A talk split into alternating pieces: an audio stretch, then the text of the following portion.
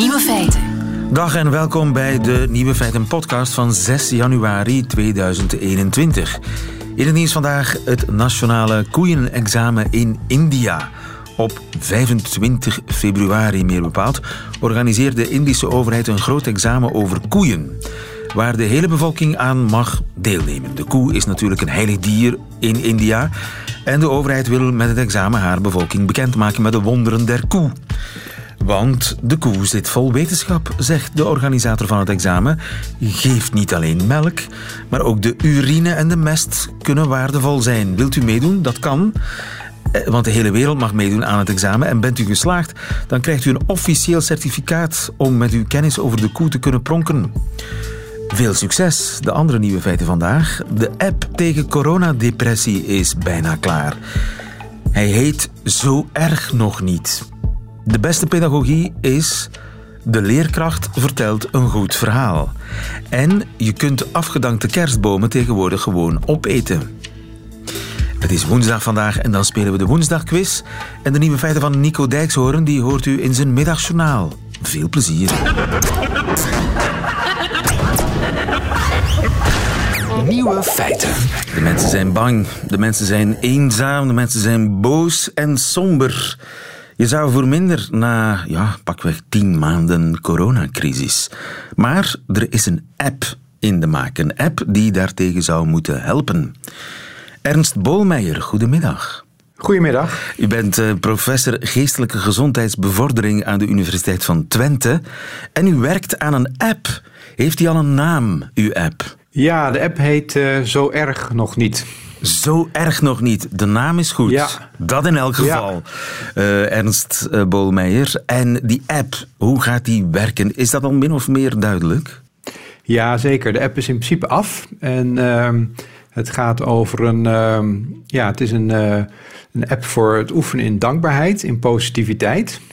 Eh, het is gebaseerd op een boek wat ik eerder heb geschreven, De Kracht van Dankbaarheid, samen met Monique Hulsberger. En het is zijn zes weken waarin mensen gevraagd wordt om een dagboek bij te houden, elke dag tien minuutjes, over zaken die zij waarderen in die dag, Ja. die ze gewaardeerd hebben. En dat kunnen kleine momenten zijn. Dat klinkt allemaal heel soft en fluffy, maar het is gebaseerd op wetenschap. Jazeker, er gebeurt al twintig jaar onderzoek naar eh, de kracht van dankbaarheid. Ehm, en er is best veel bewijs dat het ontwikkelen van dankbaarheid eh, enorm kan bijdragen aan het welzijn van mensen en aan hun mentale veerkracht. Maar Ja. hoe ontwikkel je dankbaarheid? Ja, dat is eigenlijk door te leren weer met andere ogen naar je leven te kijken. En eigenlijk gaat het primair daarbij om het richten van je aandacht. En daar is eigenlijk niks softs aan, want de hele dag door doen we dat. Geven we van alles en nog wat aandacht. En de kunst is eigenlijk om, hè, er is best veel om somber over te zijn, of negatieve zaken, of wat je ervaart als verlies in het leven. Maar die negatieve zaken die vragen spontaan aandacht, maar de positieve Precies. zaken, die, daar moet je je een beetje op richten. Precies, dat is, dat is precies de kern van, van de app. Die helpt je om elke dag even 10 minuten of een kwartiertje te gaan zitten en heel bewust na te denken: hé, hey, waren er ook momenten goed aan deze dag? En dan moet je Wat dan opschrijven, echt noteren. Eh, Ja, en dat is heel belangrijk. Want als je het eventjes bedenkt en het gaat weer weg... ja, dan, dan is het een heel kort momentje van eh, dat je even blij wordt. Maar juist als je er even over gaat schrijven... en waarom was ik daar blij mee en wat gebeurde er precies... ja, dan maak je het je eigen en dan komt het eigenlijk in je lijf en in je systeem. En daar knap je van op. En wat kan dat zoal zijn waar ik dankbaar voor moet zijn? Iemand die naar Ja, mij gelachen kan- heeft. Die, dat kan van alle. Ja, bijvoorbeeld ja, iemand die vriendelijk voor je was. En waar je even van opknapte gedurende de dag. Of even een leuk moment met je, met je kind of met een partner. Of even een leuk hè, telefonisch overleg. Kunnen eh, hele of kleine dingen zijn. Eigen kleine. Of een, een leuke wandeling in de natuur. Of dat je een mooie vogel ziet voorbij vliegen. Of, hè, ehm, of een leuk, eh, ja, een leuk programma. Of een leuk gesprek op de radio. Bijvoorbeeld. Iets waarvan je even opknapte. Ja. Zeg, en eh, dat is dan een opdracht die je krijgt van de app Zo Erg Nog Niet. Maar er zijn nog Ja. meer opdrachten, neem ik aan. Ja, de, nou, de kern is wel om eh, gedurende zes weken een dagboek bij te houden. Maar elke week krijg je een, een andere opdracht. De eerste week dan is het inderdaad van ja, een paar goede dingen van die dag. Maar we vragen mensen bijvoorbeeld ook van... hey, denk eens terug aan je leven. En wanneer heb je eerder tegenslag te verwerken gehad? En kon je nu achteraf zien dat er ook goede dingen zijn uitgekomen? En kun je daar eens over schrijven? En dat is bijvoorbeeld ook een, een, een opdracht. Um, Crisissen kunnen heel vruchtbaar zijn natuurlijk. Ja, voor heel veel mensen uh, is dat zo uiteindelijk. En dan zeg ik, ik heb er toch dingen van geleerd. Ik ben mijn leven gaan herwaarderen. Of hey, ik heb uh, sommige mensen ben ik uh, ben ik heel dankbaar. En het zijn eigenlijk toch veel betere vrienden dan ik dacht. Ja. Um, Anderzijds zou je kunnen zeggen, na tien maanden coronacrisis, ik heb wel recht op een beetje angst, eenzaamheid, boosheid en somberte. Toch? Absoluut. Nee? Absoluut. Nee, zeker. Dat, is uh, dat benadrukken wij eigenlijk keer op keer in de app. Hè, dat, het is niet de bedoeling om dat weg te maken, om dat weg te wuiven. Um, het is logisch dat we somber zijn of dat we angstig zijn. Hè. Het is tenslotte een, een, eh, we ervaren het een beetje ook als een existentiële crisis. Hè? Eh, ja, bestaansonzekerheid. Uh, waar gaat dit naartoe? Uh, is dat niet vooral, moeten we niet een, een, eindpunt hebben, iets waar we ons kunnen aan optrekken, want dan zal het voorbij zijn? Is dat niet Zeker, het allerbelangrijkste? Hè? Dat is ook belangrijk, maar we weten, hè, als we eerlijk zijn, weten we niet zeker hoe lang en wanneer het gaat duren. En de enige zekerheid heb je de dag van vandaag. En waarom zou je niet van, kunnen proberen om toch het beste van de dag van vandaag te maken? En dat is eigenlijk een levenskunst van. Um, nou ja, misschien als ik toch probeer het goede uit de dag te halen en dat te waarderen, dat er eigenlijk veel meer mogelijk is uh, op zo'n dag. En eigenlijk veel meer ja, ook vreugde te halen is of betekenis uh, van elke dag te maken. De app is klaar. Wanneer kan ik hem downloaden? Uh, het onderzoek, uh, mensen kunnen zich nu al uh, opgeven. Oeh, het kan eigenlijk nu al. Ja, dus we hebben ook al behoorlijk wat aanmeldingen uit, uit Vlaanderen. Dus dat vinden wij ontzettend leuk. Ehm, en dat is utwente.nl slash forward positiviteit. Kijk eens aan. Maar als mensen... Heel ingewikkelde link, maar we zetten die gewoon op onze website via radio1.be of via de app van Radio 1 kunt u die uh, link zeker makkelijk vinden. En dan werkt u mee aan het onderzoek van professor Bolmeijer en ook mee aan de perfectionering van die app die dan uh, voor iedereen beschikbaar wordt. Dankjewel, professor Bolmeijer. Okay. Veel succes. Goedemiddag. Graag gedaan. Jo, oké, okay, tot ziens. Radio 1. Nieuwe feiten.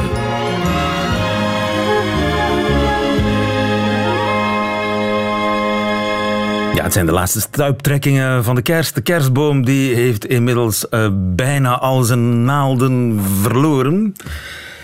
Maar wat doe ik ermee? En vooral, wat is het milieuvriendelijkste alternatief voor het in de fik steken? Babette Monen, goedemiddag. Goedemiddag. Babette, ik heb een kerstboom. Mm -hmm. En ik zal maar meteen toegeven, het is een Noordman zonder kluit. Lieven, alsjeblieft. Foei. Ja, dat is al heel erg. Op de schaal van duurzaamheid zit jij nu al onder nul, dat besef je toch? Een boom uit het buitenland, zonder, zonder kluit. Je kunt hem niet planten, je kunt hem zelfs niet weggeven voor adoptie. Dat zijn eigenlijk heel slechte punten. Volgend jaar beter, mag ik, ik hopen. Ik doe mijn best. Uh, dus met kluit, dan had ik hem gewoon simpelweg ja. in mijn tuin kunnen planten en hergebruiken volgend jaar? Niet volgend jaar. Dat is een fout die heel veel mensen maken. Blijkbaar moet je een kerstboom altijd een jaartje laten uitrusten in je tuin. En kan je dus beter twee kerstbomen kopen die je dan kan alterneren. Want dat vraagt wel wat van een boom om altijd uitgegraven te worden, in een warme woonkamer gezet te worden, dan weer in een koude tuin. Dus maar goed, dan had die in 20... voor mij ja. dit jaar. Dus ik zit met die Noordman zonder kluit. Uh, wat doe ik ermee? Wel, je kunt er eigenlijk best nog veel mee doen. Dus ik zou zeggen, niet opfikken, niet in je vuurkorf steken. Dat is bijzonder slecht voor het milieu. Je kunt hem opsnuiven, je kunt hem opsnuiven. opeten. Je kunt, ja, inderdaad. Opsnuiven. Opsnuiven. Want je weet, lieven, je gaat het missen straks als je hem wegdoet. Hè. Die geur van dennennaalden, dat is het mooiste aan zo'n prachtige Noordman zonder kluit. Uh, en ik heb eens eventjes gaan kijken op het internet wat je er dan wel allemaal nog mee kan om die geur nog langer in huis te houden en hem dus eigenlijk langer te gebruiken en daardoor duurzamer uh, te laten zijn. Dus dat je gaat. Dus je kunt die naalden in geurzakjes ja, stoppen. Dat is heel eenvoudig. Je laat gewoon die naalden goed drogen, zodat er geen andere vieze geurtjes uh, bij komen. En dan stop je die in een zakje. Of je kunt er potpourri mee maken. Mm -hmm. Ook heel leuk als je niet helemaal tegen voedselverspilling bent, want je hebt daar nog heel wat andere dingen voor nodig. Uh, zoals bijvoorbeeld verse gember een vanillestokje, wat kaneelstokjes, wat sinaasappelsap. En dat gooi je allemaal in een pot. Je doet daar kokend water bij en dan gooi je daar je dennenhouden bij en dan verspreidt dat een heerlijke geur over je huis. Een soort van kerstsoep eigenlijk die je nooit uh, gaat eten. Ah, die je niet kan Nee, je kan dat niet eten. Ja, je kan dat wel, dat is niet giftig, maar dat, gaat niet lekker, zijn. Oké, nee. dus opsnuiven? Ja, nog één ding in de categorie opsnuiven die ook wel mooi is. Een heel lekker ruikende facial toner die je daarvan kunt maken. En een facial toner, ik zie jou nu kijken. Wat komt facial toner? Dat is uh, eigenlijk een soort van gezichtswater, inderdaad. Dat ah, is heel duur water gewoon. Okay. Uh, eh, en als je je kerstboomnaalden in een pot doet, je doet daar uh, opnieuw kokend water bij en dan een beetje etherische olie van jouw keuze, munt ruikt er lekker bij of kaneel. Dan laat je dat gewoon koken en dan afkoelen. En dan heb je voor een heel jaar toners voor je gezicht, zodat je geen wijde poriën hebt of andere onzuiverheden op je snoet. En dan heeft je kerstboom eigenlijk bijgedragen aan jouw prachtige gezicht. Dan ruik je, en dan naar, ruik je naar kerstboom. Kerstboom met een, met een mooie tuin. Ja. Dus dat is ook nog in de afdeling uh, opsnuiven? Opsnuiven, inderdaad. Maar goed, in beide gevallen blijf ik met dat hout zitten. Natuurlijk. Blijf je met dat hout zitten. Maar goed, dat, moet dan maar naar het containerpark. Dan, dan, heb je toch al deels. Ja. Uh, Oké, wat kan het nog? Je kunt hem ook opdrinken, als je zou willen. Dus toch soep? Soep zou ik niet aanraden, maar ik heb op Pinterest een mooi uh, recept voor limonade gevonden. Uh, ik zie jou denken van... Oh. Kerstboomlimonade. Kerstboomlimonade, inderdaad. Opnieuw uh, die naalden laten inkoken, deze keer met heel veel bastardsuiker en ook wat water, zodat het een soort van siroop wordt. Ja, dat is een heel donkere suiker. Je kan ook andijsuiker gebruiken okay. als je geen bastardsuiker ja. vindt. je maakt daar een siroop van en dan gooi je daar citroensap en spuitwater bij en dan heb je kerstboomlimonade. Dat, dat zou lekker zijn. Ik heb het nog niet kunnen proberen, maar ik ben het wel vast van plan. En jij nu ook, vermoed ik. En je kunt natuurlijk nog een stapje verder gaan en je kunt er alcohol van stoken. Dat lijkt mij altijd Kerstboombier. het beste. Kerstboombier. Uh, dat is een uitvinding van een Nederlandse uh, brouwerij. De brouwerij Lowlander heette die. En die waren daar opgekomen een paar jaar geleden. Daar moet je toch echt Nederlander voor zijn, hè? Ja, ja inderdaad. Je lekker cheap. Nederlander als je een uitkering hebt, lesbisch bent of kerstboombier uitvindt. Nee? Inderdaad. Lekker van je afval bier maken. Maar het zou heel lekker zijn. Ze hadden iedereen gevraagd van ja, stuur je kerstboom gewoon op en uh, wij maken er een lekker bier van. Dat is massaal gebeurd. Ze hadden zoveel kerstbomen dat ze gewoon het niet konden bijhouden. Dan hebben ze die overige kerstbomen geplant in een kerstboombos. En van dat bos maken ze nu jaarlijks een winter-IPA. En dat zou een super lekker winterbier zijn op basis dus van uh, dennenade of sparenade. Uh, en je kunt nu ook een box bestellen. Dat heet uh, de Tree to Table Kit. En daarin zit dan dat bier, de glazen waaruit je dat bier moet drinken. En wat ik heel interessant vind, ook een receptenboekje voor andere uh, dingen. Want Om... je kunt natuurlijk kerstboom ook op. Laat hem gewoon opeten. Eten, inderdaad.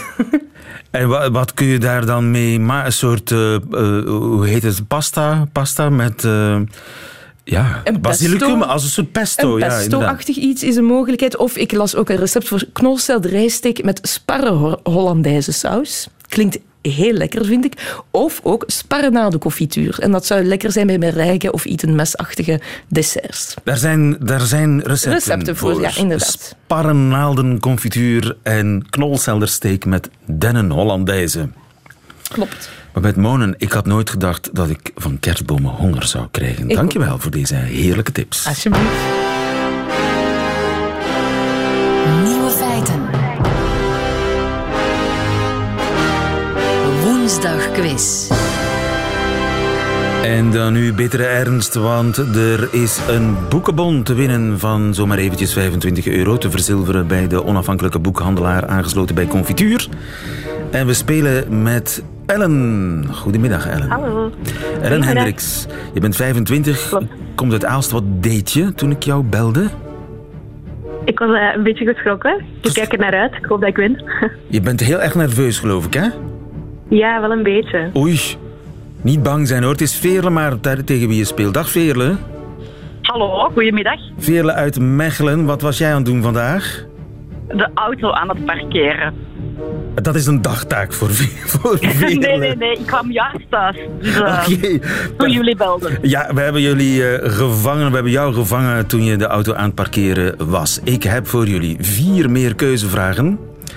Ik begin bij Ellen, die zich het eerste heeft gemeld. En zolang Ellen juist antwoordt, blijft ze aan de beurt. Bij een fout antwoord, dan mag uh, Veerle, haar tegenkandidaten, een poging do doen. En wie het laatste juiste antwoord heeft ge gegeven, die wint de quiz. En Gilles is in noodgevallen de jury. Exact. Gilles, overigens. Hoi, hoi. Ik, ben, ik ben een uh, kutwijf als het over quizzen gaat. Laten we maar snel beginnen. Ah, de eerste vraag voor Ellen. Een Britse start-up heeft een hypermoderne wearable voor koeien ontwikkeld. Waarvoor moet die wearable dienen? A. Hij meet hoeveel stappen de koe al heeft gezet en bij te weinig stappen krijgt de koe een irritante pieptoon te horen waardoor ze weer een stapje vooruit zet. B. De wearable speelt muziek af waardoor de koeien rustiger worden en dus meer melk geven. C. De wearable vangt maaggassen, boertjes dus, van de koeien op. En dat komt het milieu ten goede. Ellen. Oei. Ja. Uh, ik denk C. Je denkt C. Dat is helemaal goed. Was dat een gok? Yes. Uh, ja, maar ik had een deel daar juist gehoord. Dus ik had wel het gevoel dat het daar iets mee te maken had met het milieu en zo. Oké. Okay. 95% van de methaanproductie door koeien gebeurt via de mond en niet via de kont. En zo, uh, met die wearable, gaat dat achteruit. Moet dat achteruit. Het is nog maar een, een vaag plan, maar wie weet lukt het. Ellen, ik blijf bij jou voor vraag 2. Volgens Australisch onderzoek is er een Nieuw-Zeelandse vissoort die profiteert van de klimaatverandering. Hoe profiteert die vissoort van de klimaatverandering? A. A. De vrouwtjes hebben het doorgaans buiten de zomermaanden te koud om te paren en tegen 2050 zouden ze het hele jaar door kunnen paren. B. De geslachtsorganen van mannetjes en vrouwtjes groeien door een teveel aan CO2. C. De warmere oceanen maken hun prooien suf waardoor ze makkelijker te vangen zijn. Ellen. Uh, ik denk A. Fout. Dan kan ik naar Veerle. Veerle, doe eens een gok. Of je weet het C. misschien. Je denkt Nee, aan... C. Je denkt C. aan C. Fout. Helaas, door de grotere geslachtsorganen kunnen ze voor meer nageslacht zorgen. Inderdaad, warmere oceanen doen de geslachtsorganen van die Nieuw-Zeelandse vissoort groeien. Dat betekent dat ik terug ga naar Ellen. Vraag 3. Amerikaanse wetenschappers hebben de krachten van mediums getest door ze de doodsoorzaak te laten raden van enkele overledenen via hun foto. Wat bleek? A. Mediums zijn slechter in het praten met de doden dan normale mensen. B. Mediums kunnen beter contact leggen met de doden als ze het in een vreemde taal doen. C. Wie een potje schaak speelt, wordt beter in contact leggen met de doden. Dat geldt overigens zowel voor mediums als voor normale mensen. A, B of C, Ellen? Ik denk A. Je denkt A. Dat is helemaal goed. Wist je het? Nee, helemaal niet, maar dat leek het logisch. Het leek inderdaad, gewone mensen zijn 4% beter dan de wetenschappers verwacht hadden als de deelnemers gewoon gegokt hadden. Mediums zijn dan weer slechter. 0,2% slechter dan als ze gegokt zouden hebben. Dus gewone mensen kunnen eigenlijk beter contact leggen met overledenen dan de zogeheten mediums. Vraag 4, Ellen. Ik ben nog steeds bij jou. Als je het antwoord goed hebt, dan win je. Ook wetenschappers moesten thuiswerken in 2020. En dus was er plots tijd voor minder dringend onderzoek. Wat is volgens een Britse sta- statisticus het meest vierkante land ter wereld? Oké. A. Het Vaticaan. B. Egypte. C. De Verenigde Staten. Het meest vierkante land ter wereld. Ellen. A? Vele. Mijn dochter zegt B. Je dochter zegt B. Dat is helemaal goed. Gefeliciteerd, Veerle.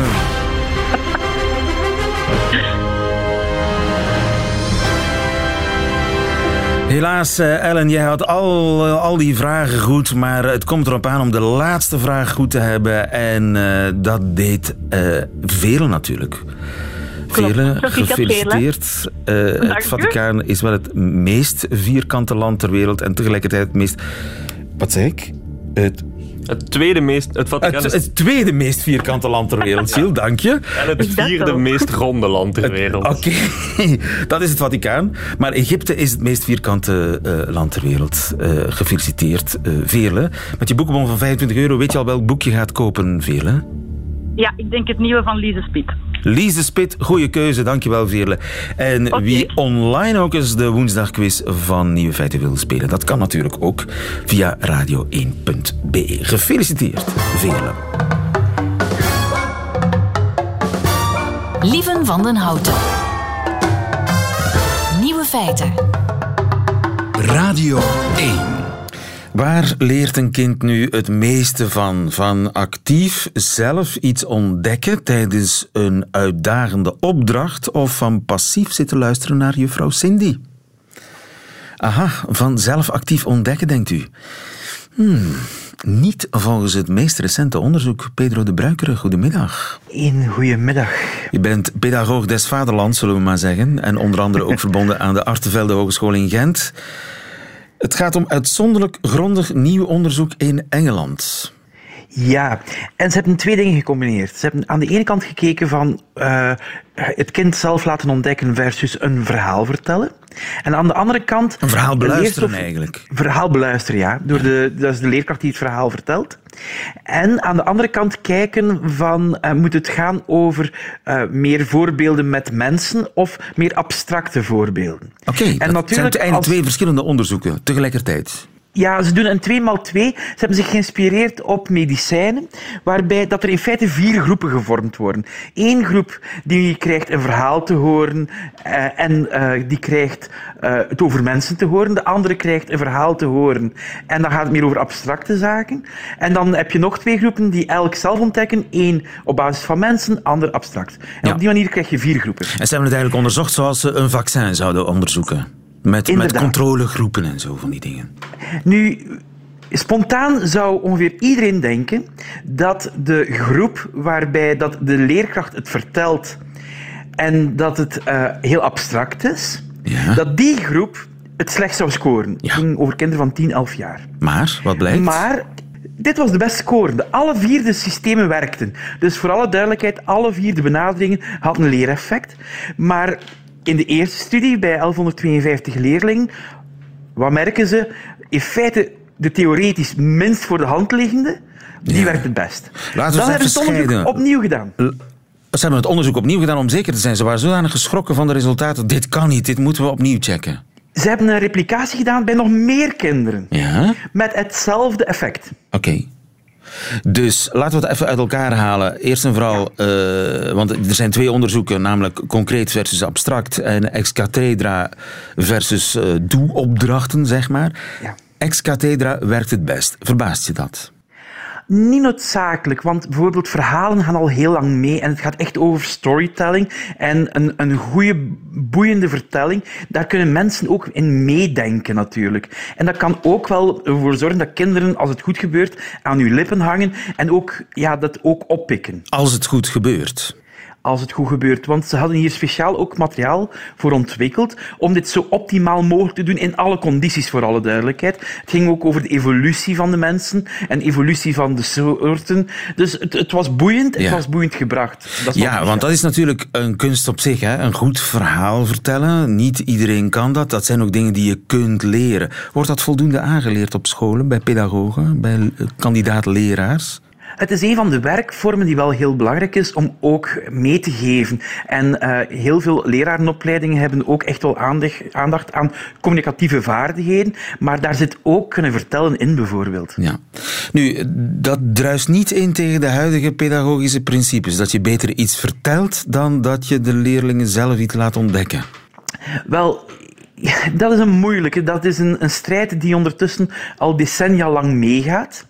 En we zien dat voor het leren van nieuwe inzichten, nieuwe vaardigheden, nieuwe kennis, dat zelf ontdekken dat dit niet altijd de meest optimale weg is. Alhoewel dat dat nog heel vaak wel gepropageerd wordt, maar dat uh, het aanreiken op een goede manier dat vaker wel beter is. Op het moment dat het kind al meer voorkennis heeft, dan kan het zelf wat meer aan de slag gaan. En dat zeggen de onderzoekers ook. Ze zeggen niet, oké, okay, nu moeten we alle zelfontdekkende manieren weggooien en nu moeten we enkel nog gaan vertellen ex cathedra. Nee, ze zeggen, kijk, we merken dat er verschillende wegen zijn en dat we nog meer moeten kijken welke weg op welk moment het beste is. Maar dat het fout zou zijn om direct zomaar iets weg te gooien. En uh, een goed verhaal vertellen is natuurlijk je luisteraar iets laten ontdekken. Hè? Dus dat laten ontdekken, dat zit er ten allen tijde eigenlijk in. Ja, maar in feite is de kern wie leidt de dans. En bij uh, de vorm die hier het meest werkte, is het de leerkracht die de dans leidt, omdat het nieuwe inzichten zijn. En als het kind de dans leidt en nieuwe inzichten zijn, dan gaat dat misschien wat stroever of minder succesvol zijn. Ja, eigenlijk is het logisch. En dan dat tweede deel, dat vind ik nog verbazingwekkender zo mogelijk dat uh, als je voorbeelden geeft met mensen concreet, dat het dan minder aankomt of blijft plakken dan als je abstracte voorbeelden geeft. Heb ik dat goed begrepen? Ja, dat was voor mijzelf ook een van de zaken waar ik meest verbaasd over was. Ze verwijzen in hun eigen uh, onderzoekspaper, die trouwens in, in, in een, een van de tijdschriften van Nature gepubliceerd is, verwijzen ze zelf naar Piaget.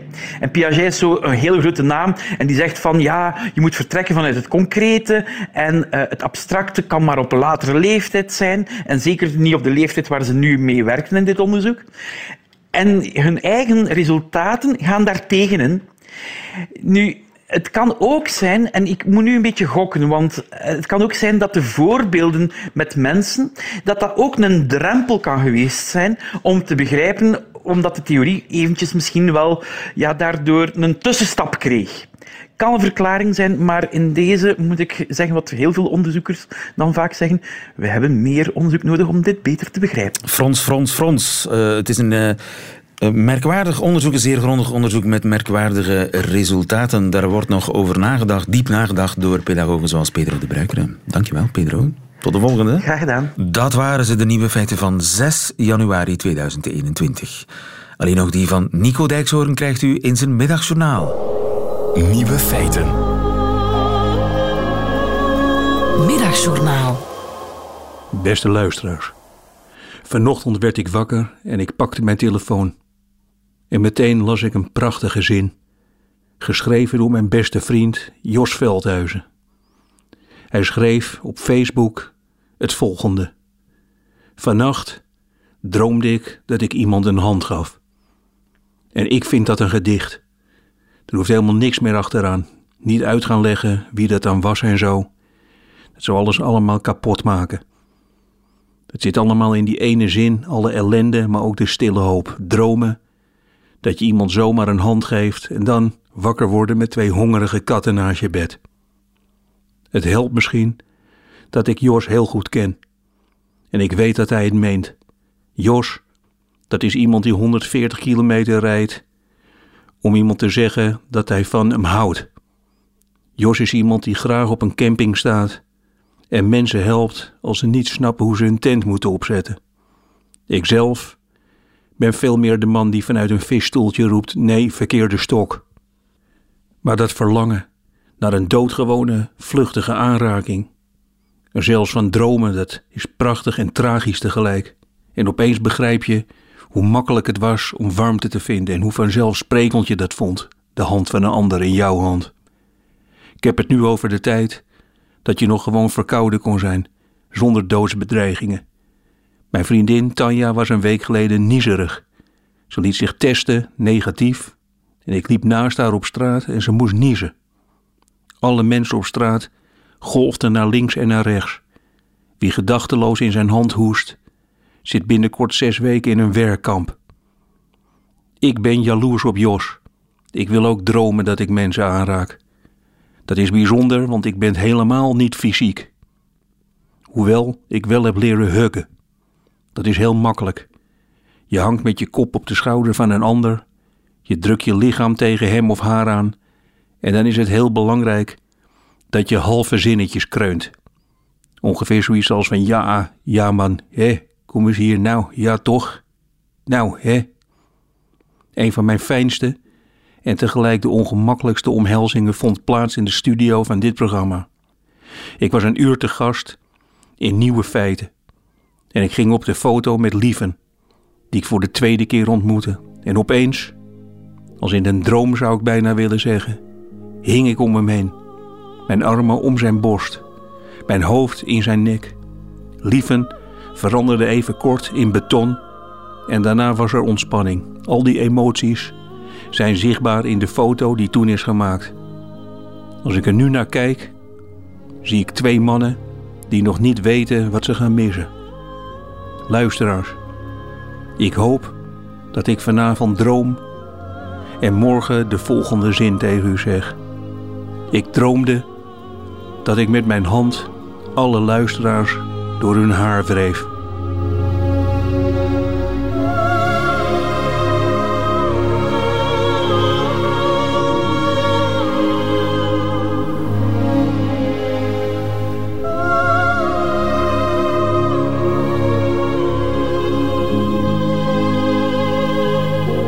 Het middagjournaal met Nico Dijkshoorn. Die foto moeten we snel opzoeken en vernietigen.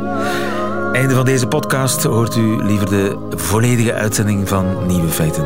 Dat kan natuurlijk via radio1.be of via de Radio 1 app, waar u overigens nog veel meer fijne podcasts vindt. Tot een volgende keer.